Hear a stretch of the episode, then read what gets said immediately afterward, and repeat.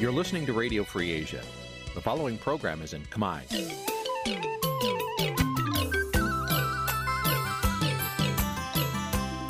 Nǐ chi càm bi tiệp xáy vệt chiu a zì sáy. នេះជាកម្មវិធីផ្សាយរបស់ Vithu Azisaray ជាភាសាខ្មែរ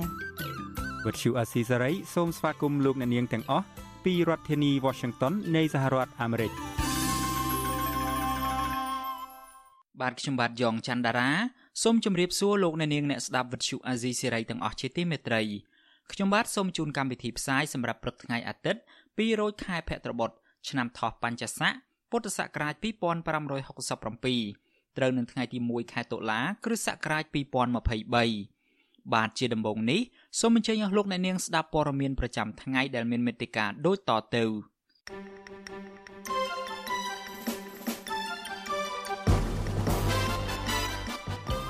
រដ្ឋាភិបាលបើកឱកាសឲ្យក្រុមឈ្មួញរកស៊ីថ្មធម្មជាតិដោយមិនចាំបាច់បង់ពន្ធអាករអ្នកវិភាគថាអាមេរិកផ្ដល់ជំនួយ18លានដុល្លារវិញព្រោះមិនចង់ឲ្យកម្ពុជារងឥទ្ធិពលចិនកាន់តែខ្លាំងវត្តមួយចំនួននៅតំបន់ជនបទមិនសូវមានពុទ្ធបរិស័ទក្នុងឱកាសបុណ្យកាន់បិណ្ឌ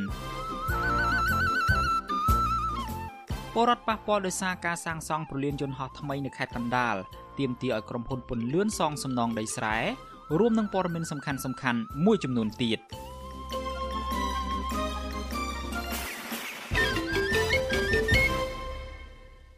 បាទជាបន្តទៅទៀតនេះខ្ញុំបាទយ៉ងច័ន្ទដារា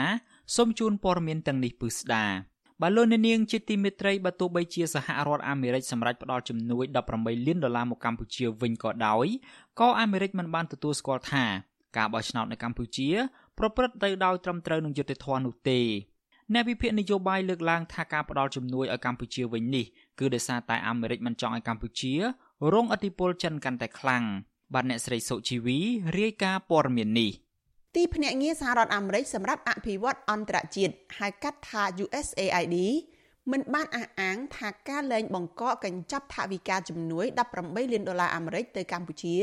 គឺជាការទទួលស្គាល់លទ្ធផលបោះឆ្នោត កាលពីថ្ងៃទី23ខែកក្កដានោះឡើយ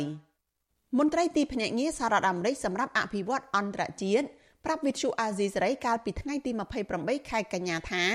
ការផ្ដល់ជំនួយរបស់សហរដ្ឋអាមេរិកធ្វើឡើងដើម្បីផលប្រយោជន៍ដោយផ្ដោតផ្ទាល់ទៅលើប្រជាពលរដ្ឋកម្ពុជា ក្នុងការប្រយុទ្ធប្រឆាំងនឹងវិបត្តិអាកាសធាតុនិងដើម្បីលើកកម្ពស់សុខុមាលភាពប្រជាពលរដ្ឋកម្ពុជាតែប៉ុណ្ណោះ USAID បញ្ជាក់ថា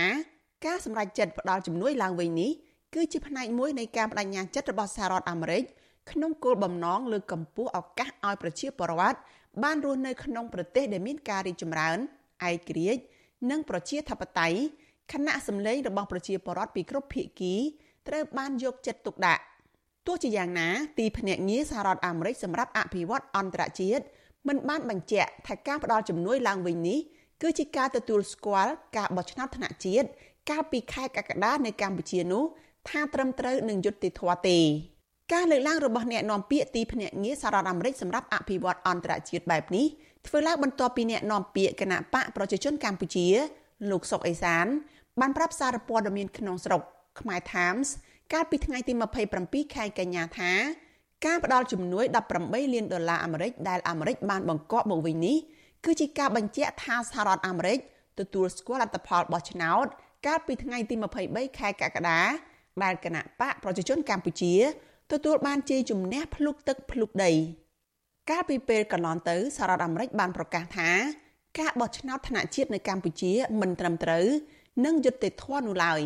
អ្នកនាំពាក្យក្រសួងការបរទេសសហរដ្ឋអាមេរិកលោក Matthew Miller ថ្លែងប្រាប់អ្នកសារព័ត៌មានកាលពីថ្ងៃទី25ខែកក្កដាថាអាមេរិក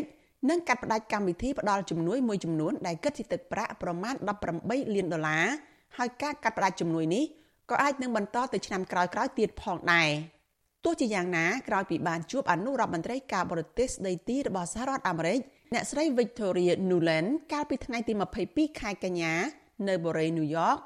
លោកហ៊ុនម៉ាណែតបានប្រកាសថាសហរដ្ឋអាមេរិកបានផ្ដល់ជំនួយ18លានដុល្លារនោះឡើងវិញហើយលោកនាយករដ្ឋមន្ត្រីថ្មីរូបនេះ ថែមទាំងបានសួរសំណួរបែបចំអកទៅកាន់អ្នករិះគន់រដ្ឋាភិបាលផងដែរឥឡូវសួរថាតើជាសារនយោបាយយ៉ាងម៉េចអានឹងអ្នកដែលរិះគន់វាយរៀបរាប់ទៅកាត់យល់ទៅបើអាមេរិកផ្ដល់ជំនួយត្រឡប់មកវិញនៅពេលដែលដំបូងគេផ្អាកដោយសារគេថាបញ្ហាបោះឆ្នោតនេះមានបញ្ហាចំនួនប៉ុន្តែឥឡូវគេផ្ដល់ឲ្យមកវិញ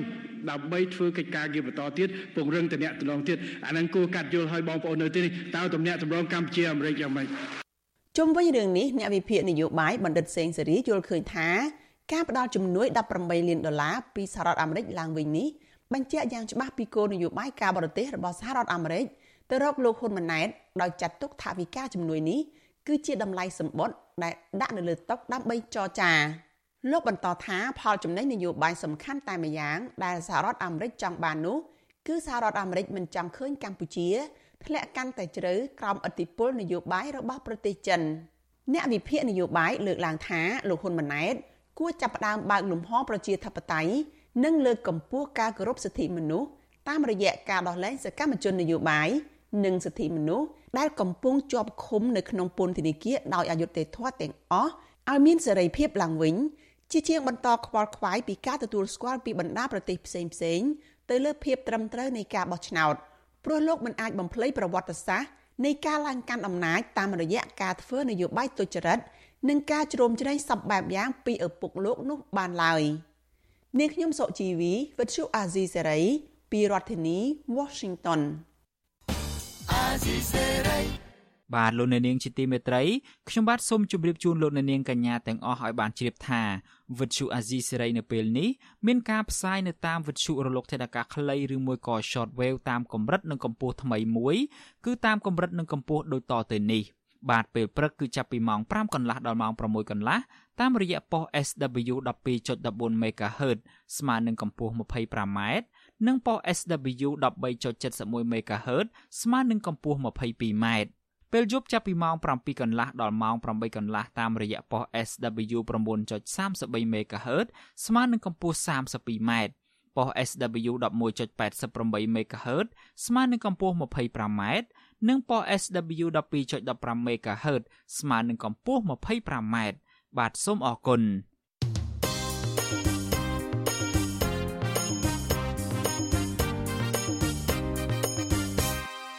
បាទលោកនាងជាទីមេត្រីតកតងទៅនឹងរឿងវិស័យរ៉ែឯនេះវិញរដ្ឋាភិបាលថ្មីរបស់លោកហ៊ុនម៉ាណែតបានផ្ដល់ឱកាសឲ្យក្រុមឈ្មួញដែលកំពុងរកស៊ីជីកថ្មធម្មជាតិយកទៅលក់នៅក្រៅប្រទេសនោះមិនចាំបាច់បង់ពន្ធអាករនាំចេញជូនរដ្ឋទេសកម្មជននិងអ្នកធ្វើការខាងវិស័យធនធានធម្មជាតិព្រួយបារម្ភខ្លាចបាត់បង់ទ្រព្យសម្បត្តិជាតិបន្ថែមទៀត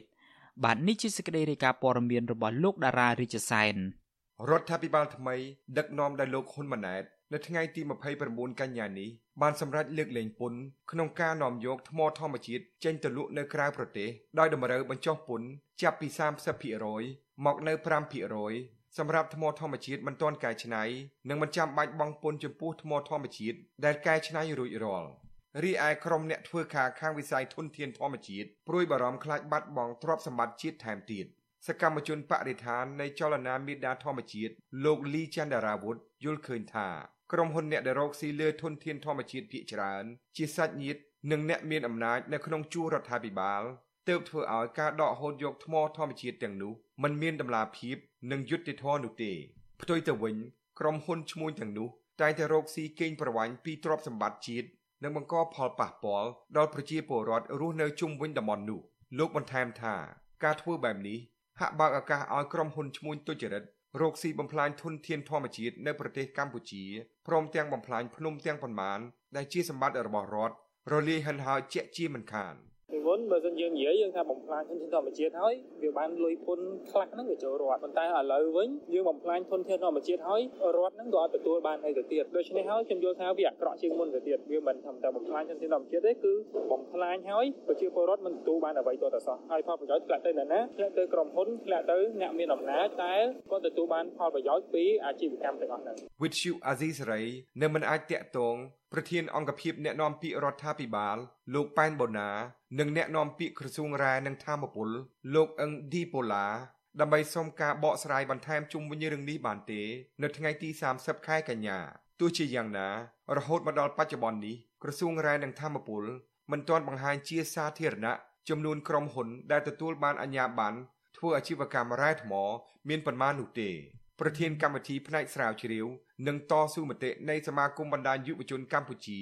CYN លោកហេងកំហុងយល់ឃើញថា រដ្ឋាភិបាលមិនគួរបន្ធូរបន្ថយពន្ធនោះទេពីព្រោះការធ្វើអាជីវកម្មរ៉ែថ្មធម្មជាតិនេះក្រុមឈ្មួញទាំងអស់នោះមិនបានចំណាយដើមទុនក្នុងការនាំថ្មធម្មជាតិទាំងនោះទៅលក់នៅក្រៅប្រទេសឡើយផ្ទុយទៅវិញរដ្ឋាភិបាលគួរយកពន្ធពីបណ្ដាក្រុមឈ្មួញទាំងនោះដោយសារពួកគេរកស៊ីលើធនធានធម្មជាតិរបស់ប្រទេសជាតិទាំងមូលលោកបន្ថែមថាការដែលមិនយកពន្ធពីធនធានធម្មជាតិដូចជារ៉ែថ្មបែបនេះហាក់មិនមានយុត្តិធម៌នោះទេ និងខាតបង់ប្រយោជន៍របស់ជាតិថែមទៀត។ បើសិនជាកាលណាយើងលើកលែងពន្ធទៀតវាធ្វើឲ្យឱកាសនៃការរកប្រាក់ចំណូលពីសកម្មភាពថ្មពីការទាញយកផលប្រយោជន៍ពីថ្មធម្មជាតិនិងរាយថ្មរបស់កម្ពុជានឹងហាក់បីដូចជាចំណេញច្រើនទៅលើក្រុមអ្នករស់ស៊ីវាអត់បានធ្វើឲ្យចំណេញច្រើនមករដ្ឋណាបើសិនជារដ្ឋអត់យកពន្ធទៅទៅវិញបើសិនជារដ្ឋនៅតែបន្តយកពន្ធនៅក្នុងកម្រិតតិបរមាសម្រាប់ការធ្វើសកម្មភាពរាយថ្មនេះខ្ញុំយល់ថាវាអាចនឹងធ្វើឲ្យយើងទទួលបានចំណូលមួយផ្នែកទៀតហើយរដ្ឋក៏អាចទៅកាត់បន្ថយបន្ទុកពន្ធនៅផ្នែកផ្សេងទៀតគេហទំព័ររបស់ធនាគារពិភពលោកបានចេញផ្សាយថាកាលពីឆ្នាំ2020កម្ពុជានាំចេញប្រភេទថ្មទៅលក់នៅក្រៅប្រទេស ទំហំទឹកប្រាក់ជាង3000លានដុល្លារក្នុងនោះកម្ពុជានាំចេញទៅប្រទេសសិង្ហបុរីថៃហុងកុងចិន សហរដ្ឋអាមេរិកនិងឥណ្ឌូនេស៊ីខ្ញុំដារ៉ារីជសែន with you Azizray ទីក្រុង Adelaide លោកអ្នកនាងកំពុងស្ដាប់ការផ្សាយរបស់ Vuthu Azizi Serai ពីរដ្ឋធានី Washington នៃសហរដ្ឋអាមេរិកប្រជាពលរដ្ឋមួយចំនួនដែលបានរើចេញពីតំបន់ប្រលានយន្តហោះថ្មីស្ថិតនៅក្នុងឃុំបឹងខ្យាង និងឃុំកណ្ដោកស្រុកកណ្ដាលស្ទឹងខេត្តកណ្ដាលនិងឃុំពុតសស្រុកបាទីខេត្តតាកែវបន្តទៀមទីឲ្យក្រុមហ៊ុន OCIC របស់អង្គការពងខៀវសែដែលទទួលគម្រោងសាងសង់ប្រលានយន្តហោះថ្មីនេះផ្ដល់សំណងលើដីស្រែរបស់ពួកគាត់ឲ្យបានសមរម្យ។ មន្ត្រីអង្គការសង្គមស៊ីវិលស្នើដល់រដ្ឋាភិបាលជួយអន្តរាគមន៍ដល់ភាគីក្រុមហ៊ុនផ្ដល់តម្លៃដីស្រែសមស្របទៅតាមតម្លៃទីផ្សារដល់ប្រជាពលរដ្ឋបាទលោកអ្នកនាងនឹងបានស្ដាប់ព័ត៌មាននេះពឹស្ដានៅពេលបន្តិចទៀតនេះ។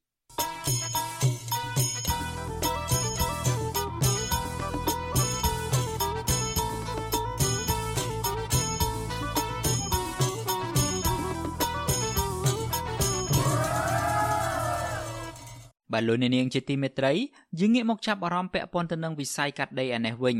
ក្រមសហជីពឯករាជ្យចំនួន12ស្ថាប័ន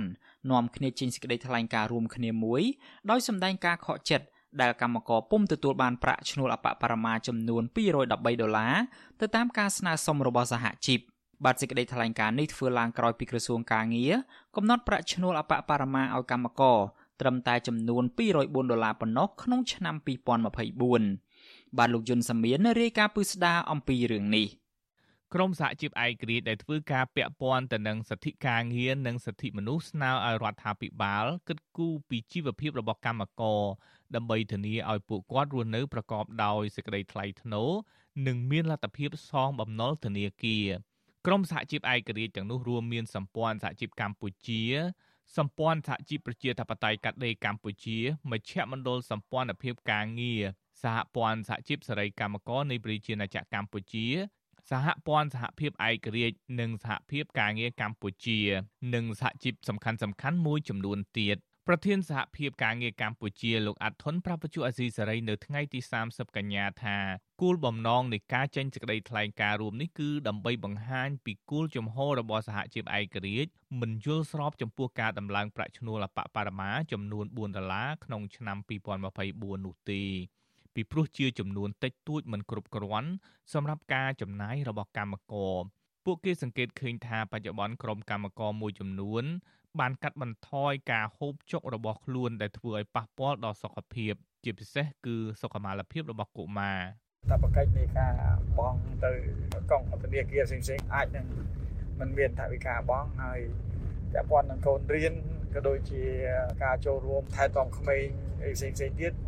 អានេះគឺជាបន្ទុកមួយធ្ងន់ណាស់បើសិនជាគាត់រៀននៅសាលាឯកជនក៏គាត់ត្រូវការចំណាយលុយច្រើនហើយទោះបីសាលារដ្ឋក៏ត្រូវគាត់ចំណាយលុយខ្លះដែរហើយបើគាត់លំបាកខ្លាំងអាចកូនគាត់ពិបាកនៅក្នុងការទៅរៀននេះចឹងទៅអញ្ចឹងធ្វើឲ្យប៉ះពាល់អនាគតនៃកូនរបស់គាត់ដែរសេចក្តីថ្លែងការណ៍រួមចេញផ្សាយកាលពីថ្ងៃទី29កញ្ញា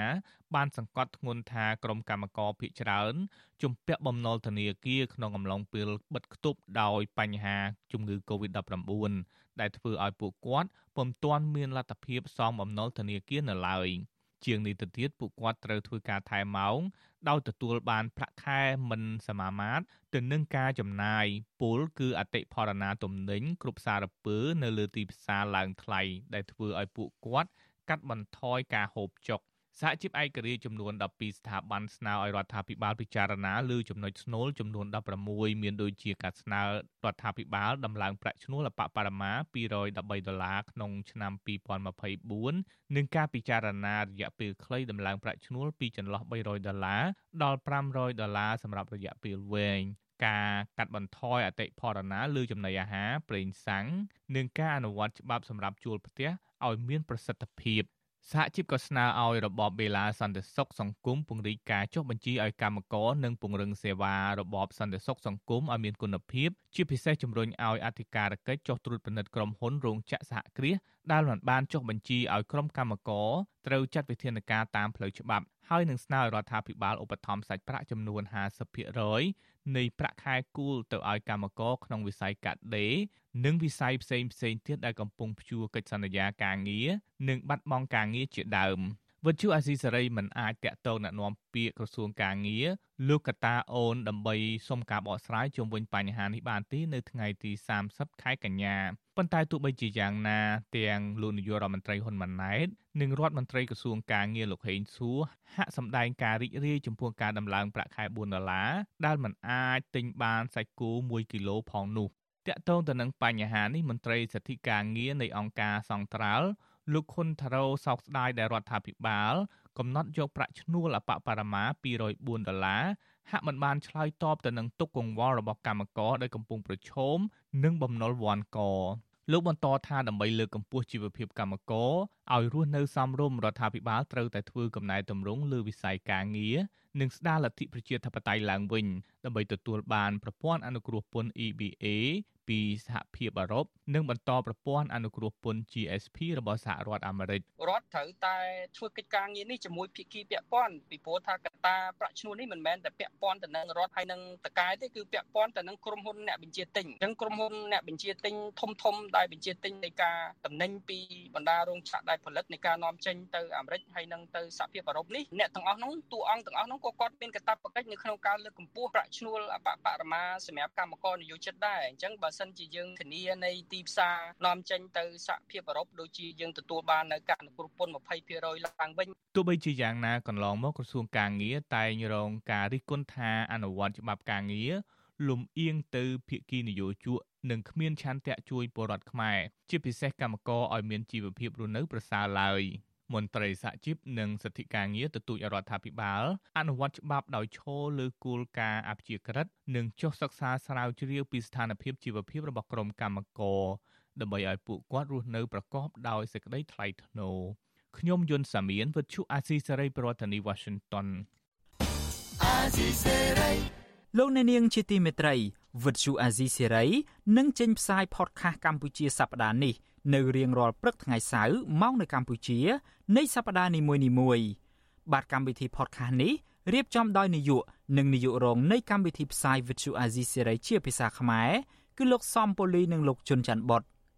សូមប្រិយមិត្តស្វែងរក និងស្ដាប់ podcast របស់យើង នៅលើកម្មវិធី podcast របស់ Apple, Google និង Spotify ដោយគ្រាន់តែសរសេរពាក្យថាកម្ពុជាសប្តាហ៍នេះឬ Cambodia This Week នៅក្នុងប្រអប់ស្វែងរក យើងក៏នឹងចាក់ផ្សាយកម្មវិធី podcast នេះឡើងវិញនៅក្នុងកម្មវិធីផ្សាយផ្ទាល់របស់យើងតាមបណ្ដាញសង្គម Facebook YouTube និង Telegram នៅរៀងរាល់យប់ថ្ងៃច័ន្ទម៉ោងនៅកម្ពុជា បាទសូមអរគុណ thank you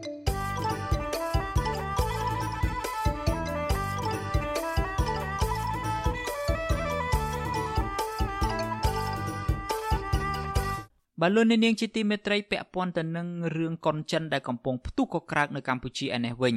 ភាពយន្តចិនរឿងឈប់ភ្នាល់ឬឈប់ចាក់ឬដែលជាភាសាអង់គ្លេសហៅថា No More Bets កំពុងមានភាពល្បីល្បាញក្នុងប្រទេសចិន និងប្រទេសមួយចំនួនលើពិភពលោកភាពយន្តនេះឆ្លុះបញ្ចាំងអំពីខ្សែជីវិតពិតដែលមានមនុស្សរាប់ម៉ឺននាក់ត្រូវបានគេឆបោកតាមប្រព័ន្ធអ៊ីនធឺណិតដោយបណ្ដាញអ ுக ្រិតជនសន្យាថា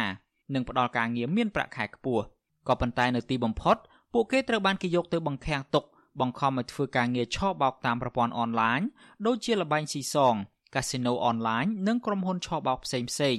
ដើម្បីបោកអ្នកលេងល្បែងអនឡាញពីប្រទេសនានាលើពិភពលោកបាទសូមលោកអ្នកនាងស្ដាប់សេចក្តីរាយការណ៍មួយទៀតរបស់លោកតារារាជសែនដូចតទៅខ្សែភាពយន្តខ្នាតធំចិន ដែលកំពុងរកកម្រៃជាសាច់ប្រាក់បានជាង500លានដុល្លារក្នុងឆ្នាំ2023នេះគឺច្រើនជាងភាពយន្តនានាទាំងអស់ក្នុងប្រទេសចិនហើយជាប់លំដាប់ទី1ដែលមានទស្សនិកជនទស្សនាច្រើន ក្នុងរយៈកាលជាក់បញ្ចាំង4សប្តាហ៍ដំបូងភាពយន្តនេះជាប់លំដាប់ទី10នៃប្រវត្តិភាពយន្តល្បីៗដែលតាក់ទាញយកការគាំទ្រច្រើន ពីមហាជនចិនមកទល់ពេលនេះភាពយន្តនេះ ជាប្រភេទភាពយន្តបង្ហាញអំពីសកម្មភាពអក្រិតកម្មដែលផ្ដោតទៅលើតួអង្គសំខាន់សំខាន់ពីរនាក់ដែលត្រូវបានបណ្ដាញអក្រិតជនអនឡាញបោកយកទៅបង្ខាំងទុកក្នុងរោងចក្រការងារមួយជាមួយមនុស្សរាប់ពាន់នាក់ដទៃទៀតភាពយន្តនេះបង្ហាញពីទស្សនវិជ្ជានៃការជំរិតមនុស្សបង្ខំឲ្យធ្វើការលើសកម្រិត និងដាក់កំហិតនៅអ្វីដែលពួកអក្រិតជនចង់បានដោយជាតម្រូវឲ្យពួកគេរកលុយតាមប្រព័ន្ធអនឡាញក្នុងម្នាក់ម្នាក់ឲ្យបានរាប់លានដុល្លារ។ ដោយបោកមនុស្សបន្តឲ្យមកលេងល្បែងអនឡាញលើសពីនេះភាពយន្តនេះបង្ហាញអំពីការរំលោភសិទ្ធិមនុស្សដូចជាការធ្វើទុកបុកម្នេញបាញ់សម្លាប់មនុស្សវាយដំនិងធ្វើទារុណកម្មយ៉ាងសាហាវខ្សែភាពយន្តចិននេះមិនបានបញ្ជាក់ពីទីតាំងនៃព្រឹត្តិការណ៍ដែលបានកើតឡើង ក្នុងប្រទេសណានោះទេប៉ុន្តែក្នុងឈុតឆាកពីខាងក្រោយ គេឃើញមានអក្សរជាភាសាខ្មែរនិងភូមានៅតាមទីកន្លែងដែលជនរងគ្រោះស្នាក់នៅ និងធ្វើការ ភាពយន្តនេះមានគោលដៅផ្ញើសារទៅទស្សនិកជនថារឿងរ៉ាវដែលបានកើតឡើងក្នុងសាច់រឿងគឺជារឿងពិត បានកើតឡើងនៅក្រៅប្រទេសចិន ដែលក្រុមបណ្ដាញអក្រិតជនចិនអាចអូសទាញអ្នកទេសចរចិនដែលទៅកំសាន្តក្នុងបណ្ដាប្រទេសអាស៊ីអាគ្នេយ៍ឲ្យលងជឿក្នុងការបោកបញ្ឆោតរបស់ពួកគេម្យ៉ាងទៀតខ្សែភាពយន្តនេះបានរំលេចពីអត្តន័យដែលមនុស្សយើងទូទៅអាចលងខ្លួនក្នុងការញៀនលបែងតាមប្រព័ន្ធអនឡាញ ដែលក្នុងឈុតមួយ បានបង្ហាញថា មានបរិះក្មេងម្នាក់ជ្រុលខ្លួនហើយបានចាញ់លុយជាច្រើន តាមបណ្ដាញឆបោកមួយនេះទីបំផុតក៏ធ្វើអត្តឃាតដោយលោតសម្លាប់ខ្លួនពីអាគារខ្សែភាពយន្តចិននេះផលិតឡើងក្នុងន័យបង្ហាញពីភាពប្រេផ្សាយរបស់បណ្ដាញអ ுக ្រិតកម្មចិន ដំណើរការនៅក្រៅស្រុក ដែលពាក់ព័ន្ធក្នុងការឆបោកចាប់ជំរិតមនុស្សបង្ខំឲ្យធ្វើការដូចជាទាសករ លើសពីនេះភាពយន្តនេះបានឆ្លុះបញ្ចាំងអំពីការខົບខិតពីអាជ្ញាធរមូលដ្ឋាននៃប្រទេសដែលពាក់ព័ន្ធដែលមានតួសម្ដែងក្នុងរឿងឬអ្នកដែលត្រូវអក្រិតជនបានចាប់ឃុំឃាំងនោះពាក់អាវយឺតជាអក្សរខ្មែរជាដើមនេះបញ្ជាក់ថាវាមានការពាក់ព័ន្ធនឹងអំពើពុករលួយជួញដូរមនុស្សជាប្រព័ន្ធក្នុងទឹកដីខ្មែរភាពយន្តនេះក៏ជាការដាស់តឿនដល់សាធារណជនជាទូទៅ ជាពិសេសពលរដ្ឋចិន ឬទេសចរចិនឲ្យមានការប្រុងប្រយ័ត្ន ក្នុងការសម្រេចចិត្តក្នុងការលេងល្បែងស៊ីសងអនឡាញឬទទួលយកការងារក្រៅស្រុកដែលមានការសន្យាថាទទួលបានប្រាក់ខែខ្ពស់ប៉ុន្តែទីបំផុតត្រូវបានទទួលមកវិញនៅការឈឺចាប់ដោយអំពើប្រេយផ្សាយពីអ ுக ្រិតជនខ្សែភាពយន្តនេះក៏រំលេចថារឿងដែលកើតឡើងបែបនេះក៏អាចកើតឡើងទៅលើជនណាក៏ថាបានមិនថាអ្នកនោះមានកម្រិតចេះដឹងកម្រិតណានោះទេ ព្រោះតួអង្គសំខាន់ទាំងពីរក្នុងរឿងនេះសុទ្ធតែជាអ្នកមានការងារជាអាជីពថែមទាំងមានប្រាក់ខែខ្ពស់ទៀតផង តែជាអកុសល នៅមានការធ្លាស់ធ្លោយជុំវិញរឿងខ្សែភាពយន្តចិននេះអ្នកនាំពាក្យក្រសួងវប្បធម៌និងវិចិត្រសិល្បៈកម្ពុជា លោកសុំម៉ាប់ថ្មីថ្មីនេះបានពិភាក្សាជាមួយស្ថានទូតចិនដើម្បីស្នើសុំបញ្ឈប់ការបញ្ចាំងភាពយន្តនេះដោយលោកមើលឃើញថាមានការប៉ះពាល់ដល់កិត្តិយសនិងមុខមាត់ប្រទេសកម្ពុជា ហើយជាពិសេស ប៉ះពាល់ដល់វិស័យទេសចរនេះបើយោងតាមការចុះផ្សាយពីប្រភពកាសែតក្នុងស្រុកកាលពីថ្ងៃទី28កញ្ញាទោះយ៉ាងណាការស្នើសុំនេះមិនទាន់បានលទ្ធផលឬការឆ្លើយតបពីស្ថានទូតចិនទេគិតត្រឹមថ្ងៃទី30កញ្ញាស្ថិតិរបស់អង្គការសហប្រជាជាតិចុះផ្សាយពីចុងខែសីហា2023នេះបានឲ្យដឹងថាតំបន់ក្នុងប្រទេសអាស៊ីអាគ្នេយ៍ដែលមានអ ுக ្រិតកម្មឆ្លងដែនដូចជាការជំរិតមនុស្ស បង្ខិតបង្ខំឲ្យធ្វើការងារឆបោកខុសច្បាប់ហើយអ្នកទាំងនោះភ ieck ច្រើនជាជនជាតិចិនត្រូវបានក្លាយជាទាសករក្រោមទង្វើរបស់បណ្ដាញក្រុមអ ுக ្រិតកម្មចិន ក្នុងប្រទេសកម្ពុជា មានចំនួនជិត100,000នាក់និងក្នុងប្រទេសភូមាមានជាង120,000នាក់ខ្ញុំដារ៉ារាជសែន With you Azizi Serai ទីក្រុង Adelaide លោកអ្នកនាងកញ្ញាជាទីមេត្រី វិទ្យុអាស៊ីសេរីសូមជូនដំណឹងថាយើងគ្មានអ្នកយកព័ត៌មានប្រចាំនៅប្រទេសកម្ពុជាទេប្រសិនបើមានជនណាម្នាក់អះអាងថាជាអ្នកយកព័ត៌មានឲ្យវិទ្យុអាស៊ីសេរីនៅកម្ពុជានោះគឺជាការក្លែងបន្លំយកឈ្មោះអាស៊ីសេរីទៅប្រើនៅក្នុងគោលបំណងទុច្ចរិតណាមួយរបស់បុគ្គលនោះតែប៉ុណ្ណោះបាទសូមអរគុណ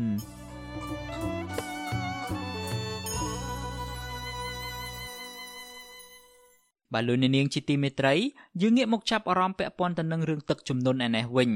ទឹកជំនន់ស្ទឹងសង្កែខេត្តបាត់ដំបង និងស្ទឹងពោធិ៍សាត់បានបំផ្លាញផលដំណាំរបស់ប្រជាពលរដ្ឋអស់ជាច្រើនហិកតានិងបង្កការលំបាកដល់ការរស់នៅប្រចាំថ្ងៃរបស់ប្រជាពលរដ្ឋជាពិសេសការធ្វើដំណើរដែលអាចប្រឈមទៅនឹងគ្រោះថ្នាក់មន្ត្រីអង្គការសង្គមស៊ីវិលអំពាវនាវឲ្យអាជ្ញាធរយកចិត្តទុកដាក់ការពារពលរដ្ឋទាំងក្នុងពេលមានទឹកជំនន់និងពេលដែលទឹកស្រកទៅវិញ បាទលោកជាតិចំណាននៅរាយការណ៍ព័ត៌មាននេះចំនួនទឹកភ្លៀងនៅភូមិខាងលិចក្នុងរយៈពេលមួយសប្តាហ៍ចុងក្រោយនេះកំពុងគំរាមកំហែងដល់ការរស់នៅនិងផលដំណាំដែលកំពុងប្រមូលផលរបស់ប្រជាពលរដ្ឋនៅតាមបណ្ដោយស្ទឹងសង្កែក្នុងខេត្តបាត់ដំបងនិងស្ទឹងនៅក្នុងខេត្តពោធិ៍សាត់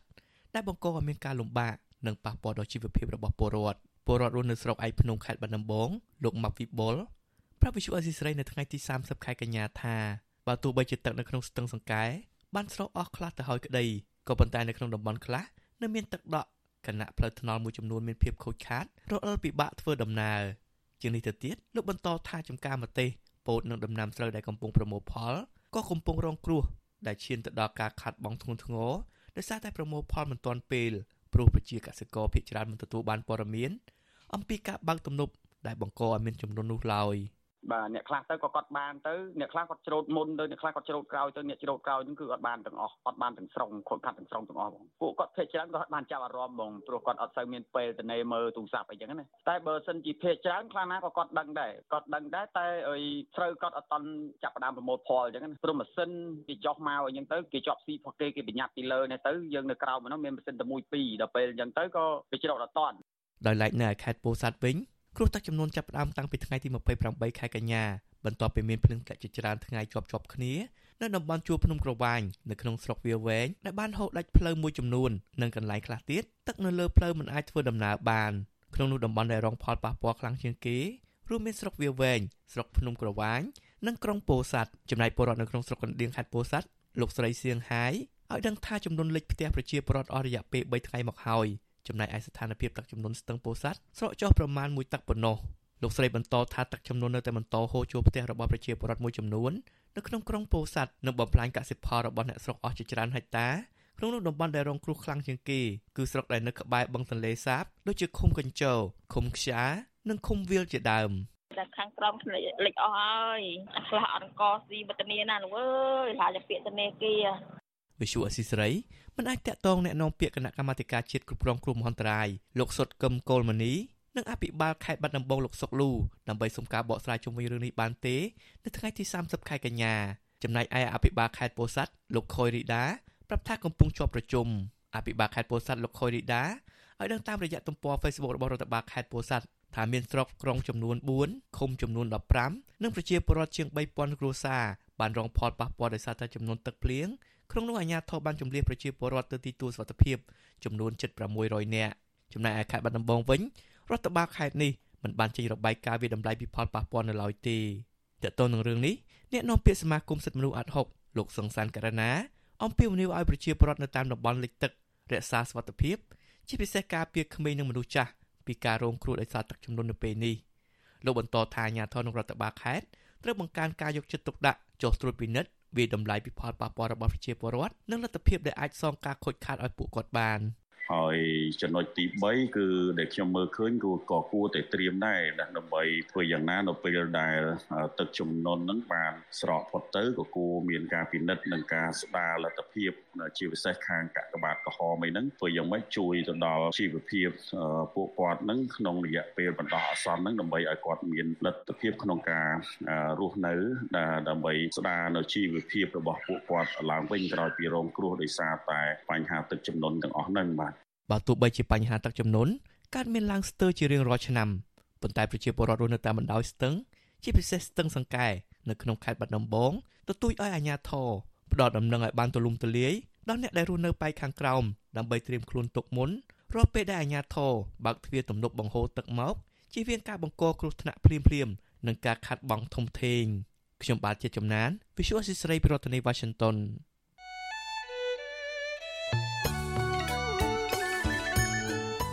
លោកអ្នកនាងជាទីមេត្រី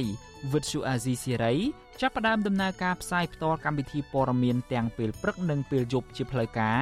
នៅលើបណ្ដាញសង្គមថ្មីមួយទៀតគឺបណ្ដាញសង្គម Telegram ចាប់ពីខែមេសាឆ្នាំ2023នេះតទៅលោកអ្នកនាងអាចស្វែងរក Telegram ផ្លូវការរបស់វិទ្យុអាស៊ីសេរីដោយស្វែងរកពាក្យថាវិទ្យុអាស៊ីសេរីឬក៏ RFA ខ្មែរនៅលើទូរស័ព្ទដៃរបស់លោកអ្នកនាង បាទ Telegram ផ្លូវការរបស់ Vuthu Azizi Siri មានសញ្ញា Tick ជាសញ្ញាសម្គាល់បាទក្រុមការងាររបស់ Vuthu Azizi Siri នឹងព្យាយាមរិះរកមធ្យោបាយថ្មីថ្មីបន្ថែមទៀតដើម្បីផ្ដល់ភាពងាយស្រួលដល់លោកអ្នកនាងកញ្ញានៅក្នុងការស្ដាប់ និងទស្សនាការផ្សាយព័ត៌មានរបស់យើង បាទសូមអរគុណ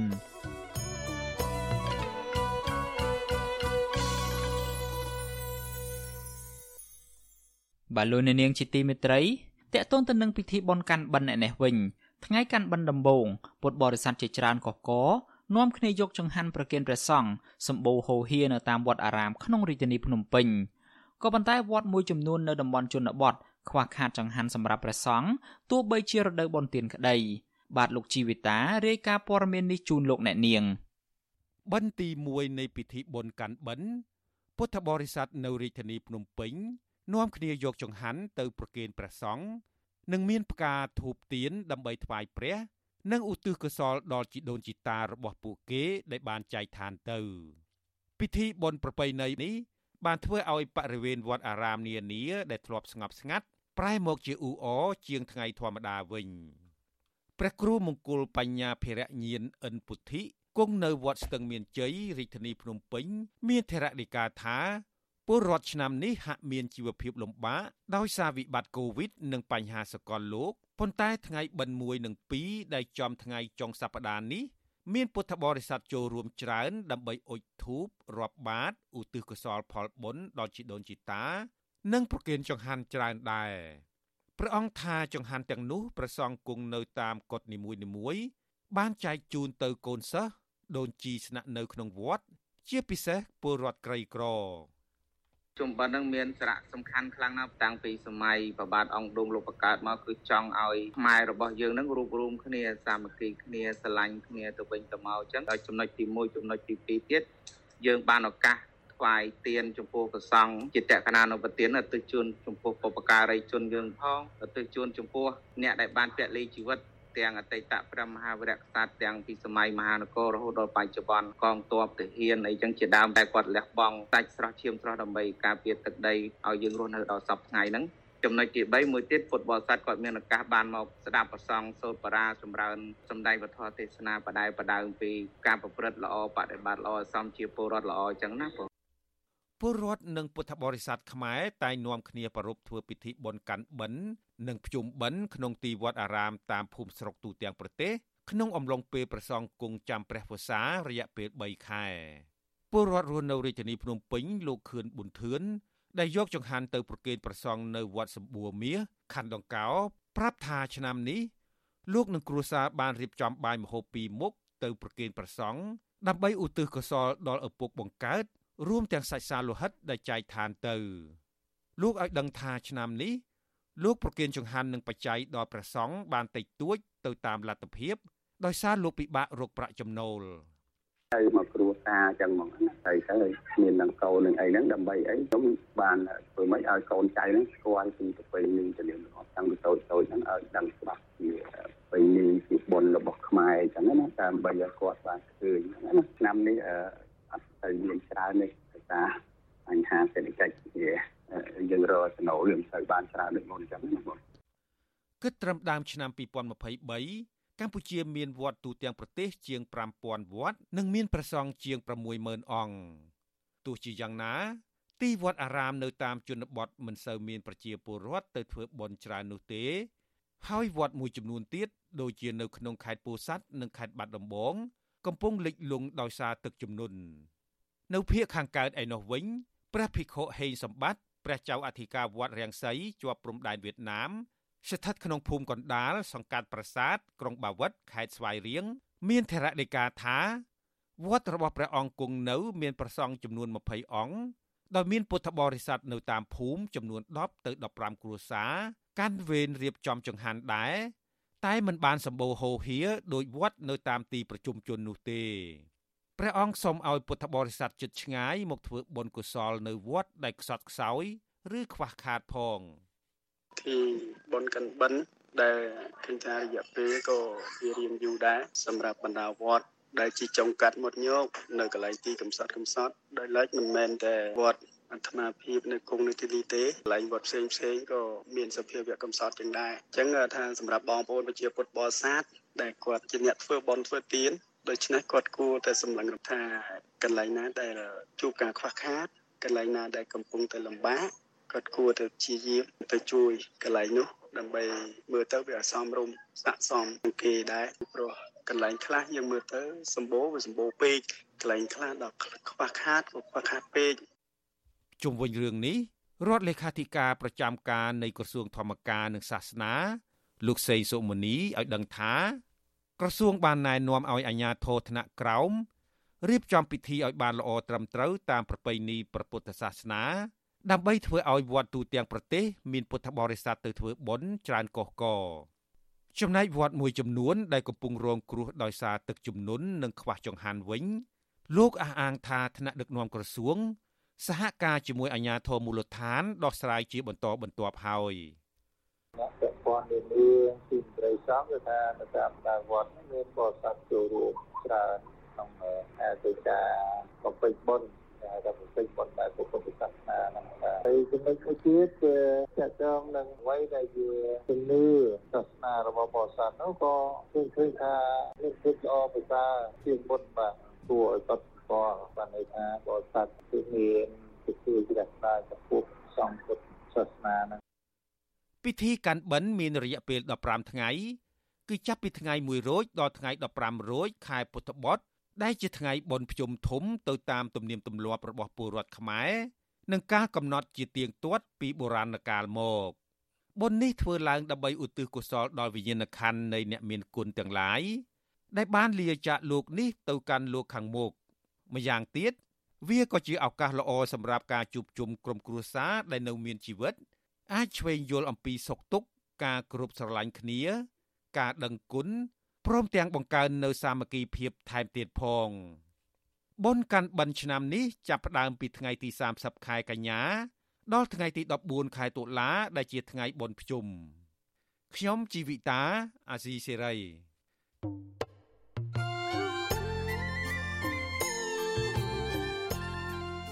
លោកអ្នកនាងជាទីមេត្រី នៅក្នុងឱកាសនេះដែរខ្ញុំបាទសូមថ្លែងអំណរគុណដល់លោកអ្នកនាងកញ្ញាទាំងអស់ ដែលតែងតែមានភក្ដីភាពចំពោះការផ្សាយរបស់យើងហើយចាត់ទុកការស្ដាប់វិទ្យុអាស៊ីសេរីគឺជាផ្នែកមួយនៃសកម្មភាពប្រចាំថ្ងៃរបស់លោកអ្នកនាងគឺការគ្រប់គ្រងរបស់លោកអ្នកនាងនេះហើយដែលធ្វើឲ្យយើងខ្ញុំមានទឹកចិត្តកាន់តែខ្លាំងក្លាថែមទៀតនៅក្នុងការស្វែងរកនិងផ្តល់ព័ត៌មានជូនលោកអ្នកនាង មានអ្នកស្ដាប់អ្នកទស្សនាកាន់តែច្រើនកាន់តែធ្វើឲ្យយើងខ្ញុំមានភាពស្វាហាប់មោះមុតជាបន្តទៅទៀតយើងខ្ញុំសូមអរគុណទុកជាមុនហើយសូមអញ្ជើញលោកអ្នកនាងកញ្ញាទាំងអស់ ចូលរួមជំរុញឲ្យសកម្មភាពផ្តល់ព័ត៌មានយើងនេះកាន់តែជោគជ័យបន្ថែមទៀតលោកអ្នកនាងអាចជួយយើងខ្ញុំបានដោយគ្រាន់តែចុចចែករំលែកឬមួយក៏ Share ការផ្សាយរបស់យើងនៅលើបណ្ដាញសង្គម Facebook និង YouTube ទៅកាន់មិត្តភ័ក្តិដើម្បីឲ្យការផ្សាយរបស់យើងបានទៅដល់មនុស្សកាន់តែច្រើន បាទសូមអរគុណ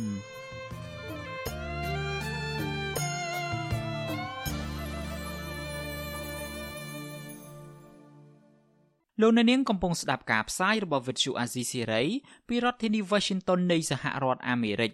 ប្រជាពលរដ្ឋមួយចំនួន ដែលបានរើចេញពីតំបន់ប្រលានយន្តហោះថ្មីស្ថិតនៅក្នុងឃុំបឹងខ្យាងនិងឃុំកណ្ដោកស្រុកកណ្ដាលស្ទឹងខេត្តកណ្ដាលនិងឃុំពុតសស្រុកបាទីខេត្តតាកែវបន្តទៀមទីឲ្យក្រុមហ៊ុន OCIC របស់អង្គការពងខៀវសែដែលទទួលគម្រោងសាងសង់ប្រលានយន្តហោះថ្មីនេះផ្ដល់សំណងលើដីស្រែរបស់ពួកគាត់ឲ្យបានសមរម្យ។ មន្ត្រីអង្គការសង្គមស៊ីវិលស្នើដល់រដ្ឋាភិបាលជួយអន្តរាគមន៍ដល់ភាគីក្រុមហ៊ុនផ្ដល់តម្លៃដីស្រែសមស្របទៅតាមតម្លៃទីផ្សារដល់ប្រជាពលរដ្ឋបាទលោកទីនសាការីយ៉ារាយការណ៍ពុស្ដាអំពីរឿងនេះកម្មករជាង100នាក់ដែលទទួលមកការសាងសង់ចម្រោកសម្រាប់បរិវត្តដែលមកតាំងទីលំនៅថ្មីកំពុងសាងសង់ផ្ទះជាច្រើនខ្នងដែលមិនទាន់រួចរាល់នៅឡើយការសាងសង់ផ្ទះនេះគឺស្ថិតនៅក្នុងឃុំអំពៅព្រៃស្រុកកណ្ដាលស្ទឹងខេត្តកណ្ដាលផ្ទះដែលកំពុងសាងសង់នោះ គឺជាកម្មសិទ្ធិរបស់បរិវត្តមួយចំនួនដែលរើមកពីទីតាំងពលានយន្តហោះអន្តរជាតិភ្នំពេញថ្មីនៅខាងចុងខ្នងផ្ទះទាំងនោះទើបនឹងចាក់គ្រឹះសាងសង់នៅឡើយគឺជាកម្មសិទ្ធិរបស់លោកអៀបសុធី ដែលជាបរិវត្តម្នាក់ធ្លាប់រស់នៅក្នុងភូមិកំពង់តាឡុងឃុំបឹងខ្ចាងស្រុកកណ្ដាលស្ទឹងអស់រយៈពេលជិត30ឆ្នាំមកហើយរហូតដល់គម្រោងអភិវឌ្ឍពលានយន្តហោះភ្នំពេញអន្តរជាតិថ្មីបង្ខំឲ្យលោកចាក់ចេញនិងទទួលយកសំណងនេះ លោកអៀបសុធីបានផ្លាស់ទីលំនៅមកតាំងទីលំនៅថ្មីទើបតែបាន3ខែក្រោយពីលោកបង្ខំទទួលយកការដោះដូរមួយចំនួនពីក្រុមហ៊ុនដូចជា ដីផ្ទះនិងសំណងជាទឹកប្រាក់ចំនួន37000ដុល្លារលោកអៀបសុធីបានឲ្យដឹងថានេះគឺជាការទទួលយកដោយបង្ខំដោយសារតែលោកបាត់បង់ផ្ទះដែលមានតម្លៃជាង50000ដុល្លារផលដំណាំ និងដីស្រែជាង1ហិកតាលោកអៀបសុធីបន្ថែមថាដីស្រែរបស់លោកដែលលក់នៅលើទីផ្សារ 1ម៉ែត្រការ៉េតម្លៃ50ដុល្លារប៉ុន្តែខាងក្រុមហ៊ុននៅតែឲ្យ8ដុល្លារក្នុង1ម៉ែត្រការ៉េតែប៉ុណ្ណោះលោកបន្ថែមថាតម្លៃដែលក្រុមហ៊ុនផ្ដល់ជូនមិនអាចឲ្យលោកមានលទ្ធភាពទៅទិញដីស្រែនៅតំបន់ថ្មីសម្រាប់ប្រកបមុខរបរចិញ្ចឹមជីវិតនោះឡើយ។ បើនិយាយទៅខ្ញុំកំពុងតែគិតជាមួយគ្រួសារព្រមទាំងប្រជាពលរដ្ឋនៅក្នុងភូមិថានៅនោះយើងមានដីស្រែចម្ការប្រកបមុខរបរចិញ្ចឹមជីវិតដល់មកដល់ពេលនេះការលក់ដូរក៏យើងមិនអាចលក់ដូរបានទីមួយទីពីរស្រែចម្ការយើងក៏អត់មានធ្វើអនាគតខ្ញុំមិនដឹងជាពឹងអីទេលោកអៀបសុធីបានស្នើដល់រដ្ឋាភិបាលថ្មីជួយអន្តរាគមន៍ទៅខាងក្រុមហ៊ុនឲ្យផ្ដល់សំណងសមរម្យជូនរូបលោកនិងបរិវត្តប្រមាណជា10%ទៀតដែលមិនទាន់ទទួលយកតម្លៃដែលខាងក្រុមហ៊ុនបានកំណត់ឲ្យ លោកអៀបសុធីបារម្ភថាបើក្រុមហ៊ុននៅតែអស់បន្លាយមិនព្រមផ្ដល់ដំណោះស្រាយនោះទេគ្រូសាលោកនឹងខ្ចីបុលធនាគារដើម្បីបញ្ចប់ការសាងសង់ផ្ទះស្របពេលដែលលោកកំពុងតែគ្មានការងារធ្វើផងនោះអញ្ចឹងនៅពេលដែលខ្ញុំខ្ចីធនាគារមកធ្វើផ្ទះបង្ហើយហ្នឹងមានន័យថាខ្ញុំបារម្ភបារម្ភទាំងទី1ខ្ញុំអត់មានស្រែចម្ការធ្វើអ្វីដែលខ្ញុំចង់បាន គឺចង់ចង់បានស្រែចម្ការមកកបកបមុខរបរដើម្បីសងដល់ធនាគារអញ្ចឹងណា កន្លងមកតំណាងបរដ្ឋជាង500គ្រួសារដែលរងផលប៉ះពាល់ពីគម្រោងសាងសង់ពលានយន្តហោះអន្តរជាតិភ្នំពេញថ្មី នៅខេត្តកណ្ដាលបានឡើងមកដាក់លិខិតតាមស្ថាប័នរដ្ឋនានាស្នើដល់រដ្ឋាភិបាលឲ្យជួយអន្តរាគមន៍ទៅដល់ក្រុមហ៊ុនដើម្បីផ្ដល់សំណងសមរម្យជូនពួកគាត់ចំណែកឯបរិមម្នាក់ទៀតលោកស្រីលូនវណ្ណា លើកឡើងថា គ្រូសាលោកស្រីបានបាត់បង់ដីស្រែជាង1500ម៉ែត្រការ៉េដែលក្រុមហ៊ុនមិនទាន់ផ្ដល់សំណងជូន លោកស្រីលូនវណ្ណាទទូចថាក្រុមហ៊ុនដែលមានលុយរាប់លានដុល្លារសាងសង់ពលានយន្តហោះត្រូវតែផ្ដល់សំណងសមរម្យជូនពលរដ្ឋដែលត្រូវការដីសម្រាប់ធ្វើស្រែចិញ្ចឹមជីវិតអូនឯងដឹងស្រាប់ហើយយកទៅទិញកន្លែងណាបានដែលនៅជិតផ្ទះគឺបានទេតតែនៅឆ្ងាយពីផ្ទះរាប់រយគីឡូដីបានអាចទៅទិញបានណា8ដុល្លារវិញនោះហើយបើនៅក្បែរក្បែរពលាននេះគេដាក់ឡើង70 80ទិញបានទេអាចតែខុសពីលបងពលានគឺដីថ្លៃហ្មងគេដាក់សិតតែ80 70មានតែដល់100ទៀតឲ្យថាដីជាប់ផ្លូវអាចជាប់ផ្លូវសិតតែ100ជាង Facebook អចលនៈទ្របមួយដែលមានឈ្មោះថា Advent Real Estate កាលពីថ្ងៃទី29កញ្ញាបានវាតម្លៃថាតម្លៃដីជិតពលានយន្តហោះថ្មីស្ថិតនៅក្នុងសង្កាត់ក្រាំងយើស្រុកស្អាង មានតម្លៃ68ដុល្លារក្នុង1ម៉ែត្រការ៉េទោះជាយ៉ាងណាអភិបាលខេត្តកណ្ដាលលោកកុងសុភ័ណ្ឌបានឲ្យដឹងថាអាជ្ញាធរខេត្តកណ្ដាលព្យាយាមស្វាស្វែងរកដំណោះស្រាយជូនពលរដ្ឋរួចហើយហើយខាងក្រុមហ៊ុនបានកំណត់តម្លៃដី8ដុល្លារក្នុង1ម៉ែត្រការ៉េមុនគម្រោងសាងសង់ទន្ទឹមនឹងនេះ អភិបាលខេត្តកណ្ដាលលោកកុងសុភ័ណ្ឌមិនបានចាប់អារម្មណ៍ចំពោះពលរដ្ឋដែលស្នើឡើងដើម្បីសុំស្វែងរកដំណោះស្រាយនោះទេប៉ុន្តែលោកបែរជាអំពាវនាវឲ្យពលរដ្ឋទទួលយកសំណងទៅតាមតម្លៃក្រុមហ៊ុនដែលកំណត់ទៅវិញការដោះដូរនេះគឺបងប្អូនបានទទួលយកគឺតែទាំងស្រុងហើយហើយតម្លៃនេះបើយើងនិយាយអំពីមុនការអភិវឌ្ឍគេហៅថាដោះស្រាយជូនបងប្អូនតម្លៃដីធ្លីមុនការដែលយើងធ្វើពលាន គឺវាស័ក្តិសមតម្លៃនៅទីនោះគឺវាប្រមាណតែហាក់ប្រហែលនឹងឯងតែទៅនឹងបញ្ហានេះអ្នកសម្របសម្រួលគម្រោងធុរកិច្ចនិងសិទ្ធិមនុស្សរបស់មជ្ឈមណ្ឌលសិទ្ធិមនុស្សកម្ពុជាលោកវ៉ាន់សុផាត មានប្រសាសន៍ថាខាងភៀកគីក្រុមហ៊ុនបានកេងចំណេញលើពលរដ្ឋពីព្រោះក្រុមហ៊ុនបានឲ្យតម្លៃផ្ទះនិងដីស្រែចម្ការទាបជាងតម្លៃទីផ្សារតាំងពីដំបូងលោកវ៉ាន់សុផាត លើកឡើងទៀតថារដ្ឋគួរតែអន្តរាគមន៍ដើម្បីឲ្យភៀកគីក្រុមហ៊ុនផ្ដល់សំណងបន្ថែម ដល់ពលរដ្ឋឲ្យបានសមស្របតាមច្បាប់អសាមិកយើងឃើញថាមានភាពបានយុត្តិធម៌សម្រាប់ប្រជាពលរដ្ឋដែលរងប៉ះពាល់នឹងបាត់បង់ដីធ្លីណាណាយើងប្រៀបធៀបទៅតម្លៃដែលថាកំណត់មុនប្រកាសអាសាមីកហ្នឹងគឺជាតម្លៃលើកទៀតបាទ3ដុល្លារក្នុង1ម៉ែត្រការ៉េតែបច្ចុប្បន្នទីផ្សារពី80ទៅជាង100ដុល្លារក្នុង1ម៉ែត្រការ៉េអញ្ចឹងវាឃើញថាវាមានភាពខុសគ្នាឆ្ងាយ ក្រុមហ៊ុនសាជីវកម្មវិនិយោគក្រៅប្រទេសហៅកាត់ថា OCIC របស់លោកពុងខៀវសែដែលជាអ្នកជំនួញស្និទ្ធនឹងអតីតនាយករដ្ឋមន្ត្រីហ៊ុនសែនទទួលបានសិទ្ធិសាងសង់ប្រលានយន្តហោះខ្នាតអន្តរជាតិមួយនេះប៉ុន្តែគម្រោងអភិវឌ្ឍខ្នាតយក្សមួយនេះបានបង្កប់នៅទឹកភ្នែករបស់កសិករជាច្រើនគ្រួសារដោយសារតែការកាត់ដីតាមអនុក្រឹត្យថ្ងៃទី3មិថុនាឆ្នាំ2020របស់រដ្ឋាភិបាលក្នុងទំហំប្រហែលជាជិត3000ហិកតា ដែលជន់លើដីច្រែងរបស់ប្រជាពលរដ្ឋនៅខេត្តកណ្ដាលខ្ញុំបាទទីនសាការីយ៉ាអាស៊ីសេរីពីរដ្ឋធានី Washington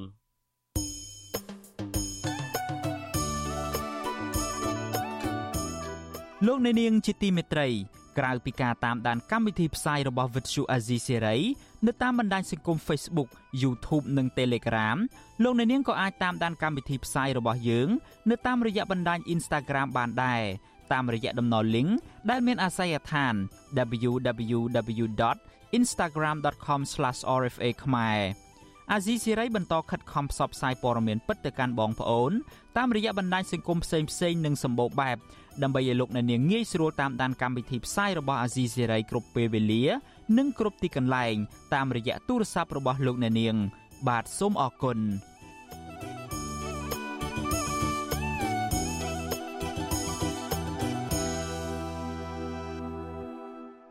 លោកអ្នកនាងកំពុងស្ដាប់ការផ្សាយរបស់វិទ្យុអាស៊ីសេរីពីរដ្ឋធានី Washington នៃសហរដ្ឋអាមេរិកប្រតិបត្តិការវិស័យទេសចរនិងប្រជាពលរដ្ឋរស់នៅខេត្តសៀមរាបអះអាងថាការថយចុះភ្ញៀវទេសចរទៅទស្សនាតំបន់អង្គរធ្វើឲ្យផ្សារទំនើបសន្តាគារនិងកន្លែងផ្ដល់សេវាកម្មទេសចរជាច្រើនទៀតត្រូវបានបិទទ្វារជាបន្តបន្ទាប់បណ្ដាលឲ្យពលរដ្ឋជាច្រើនពាន់នាក់បាត់បង់ការងារធ្វើពួកគាត់ប្រតិកម្មចំពោះរបាយការណ៍របស់ក្រសួងទេសចរ និងការអះអាងរបស់នាយករដ្ឋមន្ត្រីហ៊ុនម៉ាណែតដែលថាភ្ញៀវទេសចរកើនឡើងនោះគឺជាការផ្ទុយពីការពិត បាទសូមលោកអ្នកនាងស្ដាប់សេចក្តីរាយការណ៍ព័ត៌មាននេះរបស់លោកជាតិចំណានដូចតទៅទីក្រុងអង្គរខេត្តសៀមរាបដែលធ្លាប់សម្បូរទៅដោយភ្ញៀវទេសចរជាច្រើនកកកធ្វើឲ្យប្រព័ន្ធសេដ្ឋកិច្ចក្នុងតំបន់ទេសចរប្រវត្តិសាស្ត្រមួយនេះរីកចម្រើនខ្លាំងក៏ប៉ុន្តែក្នុងរយៈពេលជាង4ខែចុងក្រោយនេះចំនួនភ្ញៀវទេសចរកាន់តែធ្លាក់ចុះខ្លាំង ចំណែកអតិថិភាពតាមដងផ្លូវទៅប្រាសាទអង្គរវត្តកន្លែងលក់វត្ថុអនុស្សាវរីយ៍អាហារដ្ឋានផ្សារទំនើបនិងផ្សាររាត្រីដ៏ល្បីនៅក្នុងខេត្តសៀមរាបក៏ស្ងប់ស្ងាត់ដែរប្រតិបត្តិការវិស័យទេសចរចាត់ទុកភាពស្ងប់ស្ងាត់នេះបានរុញច្រានឲ្យជីវភាពរបស់ពួកគាត់កាន់តែលំបាកគ្មានលទ្ធភាពរកប្រាក់បង្វិលសងធនាគារនិងអ្នកខ្លះទៀតត្រូវបង្ខំចិត្តចំណាក់ស្រុកធ្វើការនៅក្រៅប្រទេសរីឯសន្តាគារនិងផ្ទះសំណាក់ជាច្រើនកន្លែងបានបិទស្លាកលក់ឬជួលហើយខ្លះទៀតត្រូវបិទទ្វារ ដោយបង្ខំចិត្តកាត់បន្ថយបុគ្គលិកជាច្រើនអ្នកប្រតិបត្តិការវិស័យទេសចរលោកអាងឆាលហួសចិត្តនឹងរបាយការណ៍របស់ក្រសួងដែលផ្សាយថាភ្ញៀវទេសចរកើនឡើងគឺជារឿងមិនពិតនោះទេលោកថាមួយរយៈនេះលោកសង្កេតឃើញមានភ្ញៀវទេសចរតិចតួចប៉ុណ្ណោះហើយពួកគាត់ភ័យច្រើនបានចាយវេត្បិតត្បៀតណាស់លោកបន្ថែមថាថ្មីថ្មីនេះផ្សារទំនើបលាក់គីនិងផ្សារទំនើបអង្គរត្រេតនៅក្នុងក្រុងសៀមរាបបានបិទទ្វារហើយកន្លែងផ្ដល់សេវាកម្មទេសចរជាច្រើនកន្លែងទៀត ក៏ប្រឈមខ្លាំងដែរដោយសារតែខ្សត់ភ្ញៀវខ្ញុំមើលឃើញនៅអ្វីដែលវាផ្ទុយព្រោះអីប្រហែលខែខែទៅ2ខែចុងក្រោយនេះគឺមានភ្ញៀវទេហើយខ្ញុំទៅពីកាភ្ញៀវនៅបលៀនគឺភ្ញៀវភាគច្រើនក៏គាត់ថាបលិនយន្តហោះយើងអត់មានភ្ញៀវពិបាកហើយយ៉ាងយើងមែនតើល្ងាចមិញខ្ញុំជិះកាត់នៅផាប់ស៊ីតអត់មានភ្ញៀវដែរម៉ោង7ម៉ោង8ហើយអត់មានទេលោកអាងឆាលបន្ថែមថាបលិនយន្តហោះខេត្តសៀមរាបធ្លាប់មានជើងហោះហើរគិតជាមធ្យម30ជើងក្នុងមួយថ្ងៃពេលនេះបានថយចុះសល់ត្រឹម11ជើងតែប៉ុណ្ណោះ លោកបញ្ជាក់ថាជើងហោះហើរចំនួន11ជើងនេះគឺមកពីប្រទេសថៃវៀតណាមសង្ហបុរី និងម៉ាឡេស៊ីរីឯជើងហោះហើរមកពីប្រទេសចិន បានផ្អាកហើយប្រតិបត្តិការទេសចររូបនេះបារម្ភថាអ្នកដែលរងគ្រោះធ្ងន់ធ្ងរជាងគេគឺប្រជាពលរដ្ឋអ្នកលក់ដូរតូចតាចនិងអ្នកដែលជំពាក់លុយធនាគារលោកថាបច្ចុប្បន្នមានសន្តាគារតិចតួចប៉ុណ្ណោះនៅបន្តដំណើរការដោយសារតែម្ចាស់សន្តាគារទាំងនោះគឺជាអ្នកមានទ្រព្យច្រើន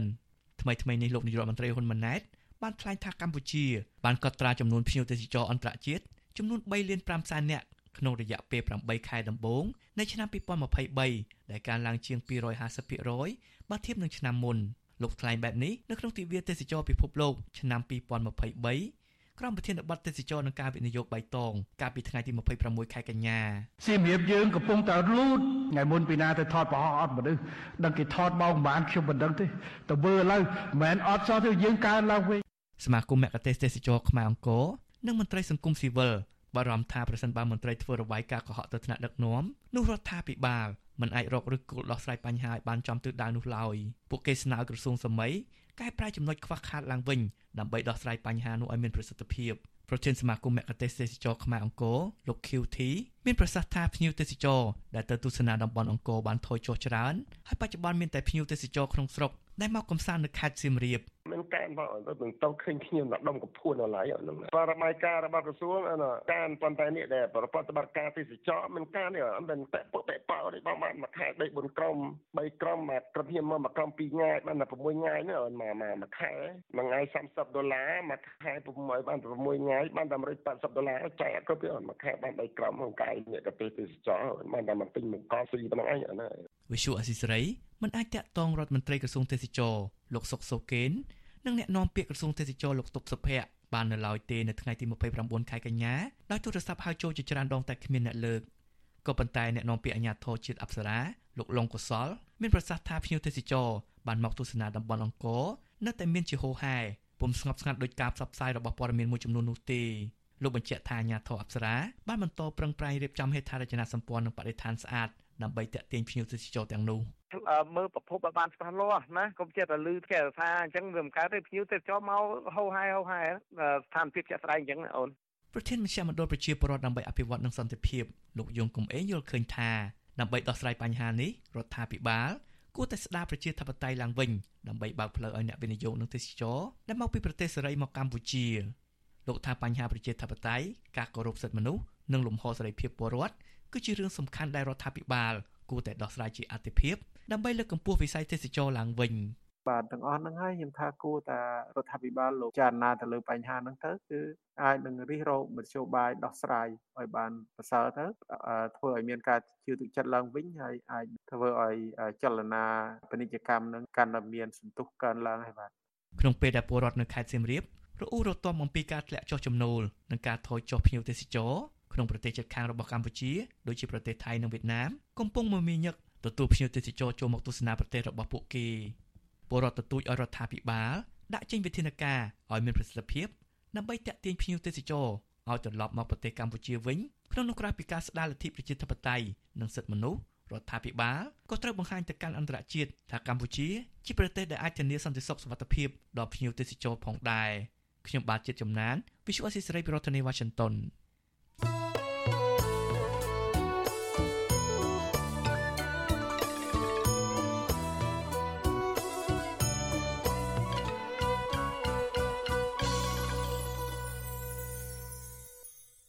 លោកអ្នកនាងកំពុងស្ដាប់ការផ្សាយរបស់ Vuthu Azizi Serai ពីរដ្ឋធានី Washington នៃសហរដ្ឋអាមេរិកក្រុមអ្នកស្រាវជ្រាវផ្នែកវប្បធម៌ព្រួយបារម្ភពីការបាត់បង់ប្រាសាទបុរាណជាបន្តបន្ទាប់កប់នៅក្នុងព្រៃជាច្រើន ដែលពុំសូវមានអ្នកស្គាល់ស្ថិតនៅក្នុងខេត្តសៀមរាបខេត្តកំពង់ចាមនិងខេត្តព្រះវិហារ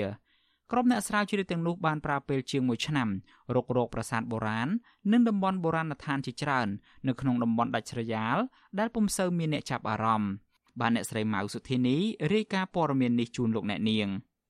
ក្រុមអ្នកស្រាវជ្រាវផ្នែកវប្បធម៌យល់ថាប៉ះសិនបើរដ្ឋាភិបាល និងក្រសួងវប្បធម៌នៅតែមិនចាប់អារម្មណ៍ថែទាំប្រាសាទបុរាណនិងតំបន់បុរាណដ្ឋានជាច្រើនក្នុងព្រៃនិងធ្វើឲ្យបាត់បង់កេរដំណែលវប្បធម៌ដ៏មានតម្លៃជាប្រវត្តិសាស្ត្រនិងស្នាដៃបុព្វបុរសខ្មែរ ក្រុមអ្នកស្រាវជ្រាវទាំងនោះបានប្រើពេលជាច្រើនខែស្វែងរកប្រាសាទបុរាណនានាដែលស្ថិតក្នុងខេត្តសៀមរាបព្រះវិហារនិងខេត្តកំពង់ចាមហើយប្រទះឃើញប្រាសាទបុរាណជាច្រើន កំពុងប្រឈមការបំផ្លាញដោយសកម្មភាពរបស់មនុស្សរួមមានការទន្ទ្រានយកដីធ្វើកសិកម្មការបំផ្លាញធនធានធម្មជាតិនិងការជីកកាយយកកំណប់ជាដើមអ្នកស្រាវជ្រាវផ្នែកវប្បធម៌លោកណនម៉ាណុន ប្រាប់បច្ចុប្បន្នស៊ីស្រីនៅថ្ងៃទី29ខែកញ្ញាថាក្រុមការងាររបស់លោក បានប្រទះឃើញប្រាសាទបុរាណជាច្រើនស្ថិតក្នុងស្រុកស្វាយលើខេត្តសៀមរាប ស្រុកគូលែនខេត្តប្រវត្តិហានិងប្រាសាទមួយចំនួនទៀតដែលស្ថិតក្នុងខេត្តកំពង់ចាម លោកថាមានប្រាសាទជាច្រើនគ្មានឈ្មោះ ខ្លះសតែខឿនគ្រឹះចម្លាក់អក្សរបុរាណនិងខ្លះទៀតនៅរូបរាងល្អនៅឡើយ ហាក់ត្រូវបានគេទុកចោលមិនថែទាំលោកបន្ថែមថាសូម្បីតែផ្លូវធ្វើដំណើរចូលប្រាសាទទាំងនោះនិងស្លាកសញ្ញាបង្ហាញពីទីតាំងប្រាសាទក៏នៅមិនទាន់មាននៅឡើយ។ បើទោះបីជាប្រាសាទហ្នឹងនៅសល់ស្លាកស្នាមតិចក្តីអញ្ចឹងក៏វាជាបុរាណស្ថានថាជាទីតាំងបង្ហាញពីអរិយធម៌វប្បធម៌ក៏ដូចជាបង្ហាញពីស្លាកស្នាមថាជាទឹកដីស្នាដៃបុព្វបុរសយើងពីមុនមកដែរអញ្ចឹងណាឧទាហរណ៍ថាមានប្រាសាទហ្នឹងយើងទុកទីតាំងហ្នឹងទៅកុំឲ្យជាពលរដ្ឋគាត់យកដីហ្នឹងទៅធ្វើស្រែចម្ការអីទៅហើយជាពិសេសភូមិភូមិហ្នឹងគឺគាត់ដាក់ស្លាកជាសញ្ញាមានន័យថាមានជួរស្រែផ្លូវទៅបើមិនជាអត់មានផ្លូវ ចំណែកបរដ្ឋរស់នៅខេត្តសៀមរាបដែលតែងតែនាំភ្ញៀវទេសចរទស្សនាប្រាសាទលោកកំសៃរកឃើញថាប្រាសាទទ្រង់ប្រាសាទរើប្រាសាទគងភ្លុក និងប្រាសាទភ្នំសណ្ដោស្ថិតនៅក្នុងខេត្តសៀមរាប និងខេត្តព្រះវិហារនោះក៏នៅមិនទាន់មានផ្លូវធ្វើដំណើរល្អចូលទៅកាន់ប្រាសាទទាំងនោះនៅឡើយ រីឯប្រាសាទជាច្រើនទៀតក៏គ្មានផ្លូវចូលទៅដែរហើយអ្នកទេសចរត្រូវធ្វើដំណើរដោយថ្មើរជើង ក្នុងចម្ងាយផ្លូវជាច្រើនគីឡូម៉ែត្រឮថាឃើញគេទ្រុសគេអុយចិត្តចិត្តនោះដែលបើតំបន់ផ្សារនៅល្អឃើញថាបើគេអញ្ញាធូគេនៅតំបន់នោះគេអត់ជួយថែសារមិនដឹងយ៉ាងណាដូចថាដូចថាខ្ញុំមានព្រួយអារម្មណ៍ខ្លះដែរបើដូចថាយើងអត់ហ៊ានអាកា ឆ្លើយតបរឿងនេះអ្នកនាំពាក្យអាជ្ញាធរជាតិអប្សរាលោកលងកុសល បកស្រាយថាការថែទាំប្រាសាទបុរាណកប់ក្នុងព្រៃនិងនៅតំបន់ដាច់ស្រយាលនោះគឺហួសពីដែនសមត្ថកិច្ចរបស់អាជ្ញាធរអប្សរាតែយ៉ាងណាលោកថាក្រសួងវប្បធម៌មិនធ្វេសប្រហែសឡើយក្នុងការកែលម្អថែទាំនិងជួសជុលប្រាសាទបុរាណនានានៅក្នុងខេត្តនីមួយៗក៏ប៉ុន្តែអ្វីជាឧបសគ្គនោះ គឺលទ្ធភាពថវិកានៅមានកម្រិតយើងចង់កែលម្អយើងចង់កែកុនយើងចង់ធ្វើឲ្យមានភាពល្អប្រសើរវាស្ថិតនៅលើថវិការបស់យើងយើងមានគ្រប់គ្រាន់លទ្ធភាពរបស់យើងអត់ណាយើងត្រូវដាក់កំណត់អតិភិបតើត្រូវអតិភិបនេះអតិភិបនោះលក្ខនឹងលក្ខអញ្ចឹងណាបងណាជុំវិញរឿងនេះប្រធានសមាគមមគ្គទេសទេសចរខ្មែរអង្គរលោកខៀវធីយល់ថាប៉ះសិនបាញាធរថែទាំប្រាសាទបុរាណក្នុងព្រៃ ដោយរៀបចំហេដ្ឋារចនាសម្ព័ន្ធឲ្យល្អនិងរួមចំណែកការពារធនធានធម្មជាតិនិងបរិស្ថាននៅជុំវិញប្រាសាទដែលជាផ្នែកមួយ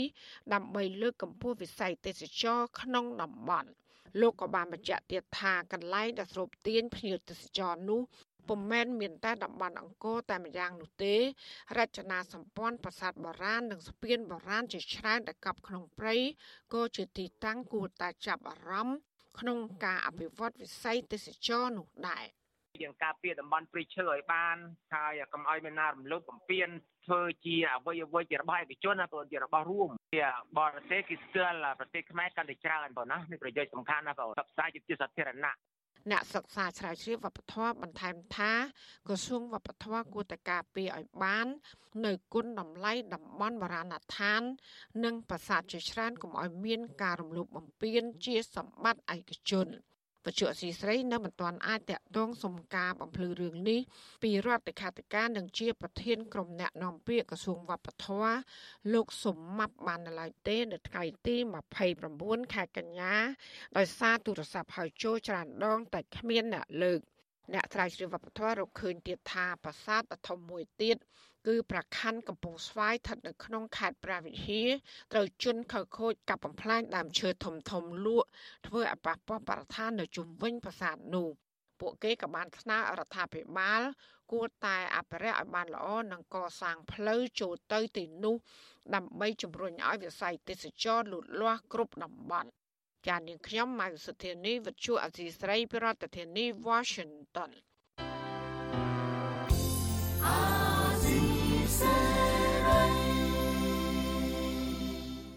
លោកអ្នកនាងជាទីមេត្រីការផ្សាយរយៈពេល1ម៉ោងរបស់វិទ្យុអាស៊ីសេរីនៅព្រឹកនេះចប់ត្រឹមតែប៉ុណ្ណេះ